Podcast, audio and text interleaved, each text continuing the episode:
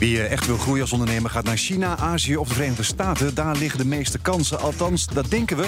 Maar soms liggen de mogelijkheden ook dichterbij dan je denkt. Nou, de komende weken gaan we die plekken letterlijk op de kaart zetten. Check daarvoor ook bnr.nl. En dat doen we samen met eh, Frans Nedersticht van RVO. Dat is de Rijksdienst voor Ondernemend Nederland. In opdracht van het ministerie van Buitenlandse Zaken... struinen zij het buitenland af voor ondernemers. Frans, goedemorgen. Goedemorgen. Ja, vorige week eh, zaten we in Hongarije. Deze week gaan we naar het Verenigd Koninkrijk. Flink in het nieuws natuurlijk vanwege de brexit. Is het wel zo handig om daar nu te gaan ondernemen? Um, ja, ja, ja, eigenlijk ja, wel. En ja, en ja. nou, laat, laten we eerlijk zijn, die brexit dat is, dat, dat hangt natuurlijk een beetje boven de markt. Uh, ook letterlijk. Uh, maar ook na 29 maart volgend jaar blijft Groot-Brittannië of Verenigd Koninkrijk als land gewoon uh, nog wel bestaan. je kunt er dus ook gewoon nog, nog zaken mee doen. Maar er misschien komt, wordt het allemaal wel wat moeilijker. Ja, er komt, er komt een grens bij.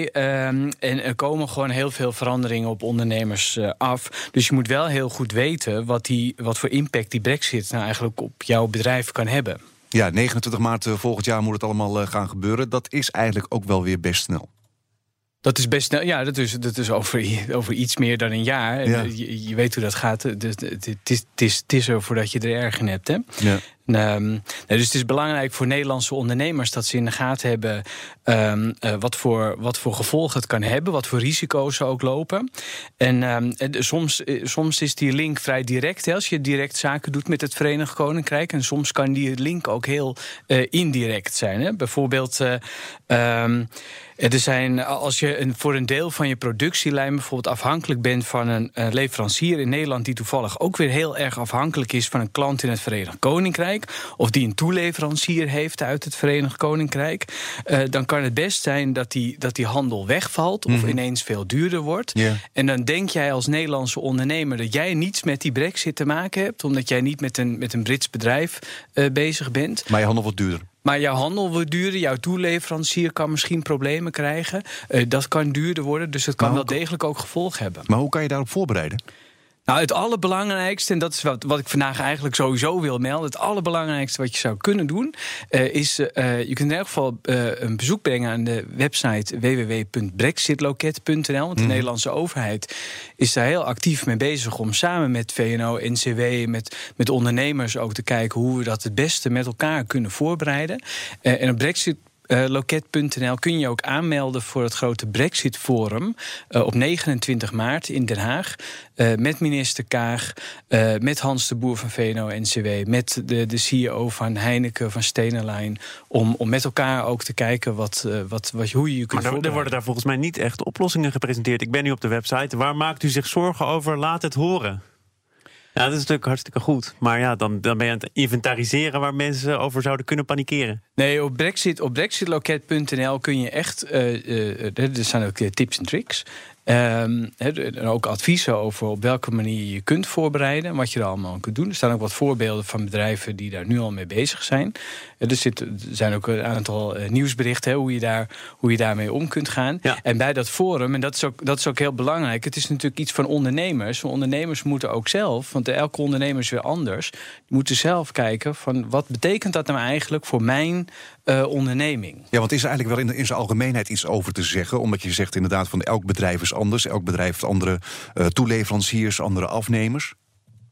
Ja, want je kunt, uh, het kan natuurlijk gevolgen hebben in negatieve zin, maar het kan ook zo zijn bijvoorbeeld dat uh, Britse concurrenten van Nederlandse ondernemers krijgen het straks lastiger om in, uh, in Nederland en in andere Europese landen te verkopen. Dus overal in de EU en in landen waar de EU een handelsakkoord mee heeft, wordt het voor Nederlandse ondernemers makkelijker om hun producten af te zetten. Dus er zitten ook gerust wel voordelen aan. Er zitten ook kansen. Ik zag ook een veevoederbedrijf, ProFarmers, die deze week weten um, ja, dat er na de Brexit meer geïnvesteerd zou moeten worden in de Britse veestapel, omdat ze dat nu nog veel uit Europa halen.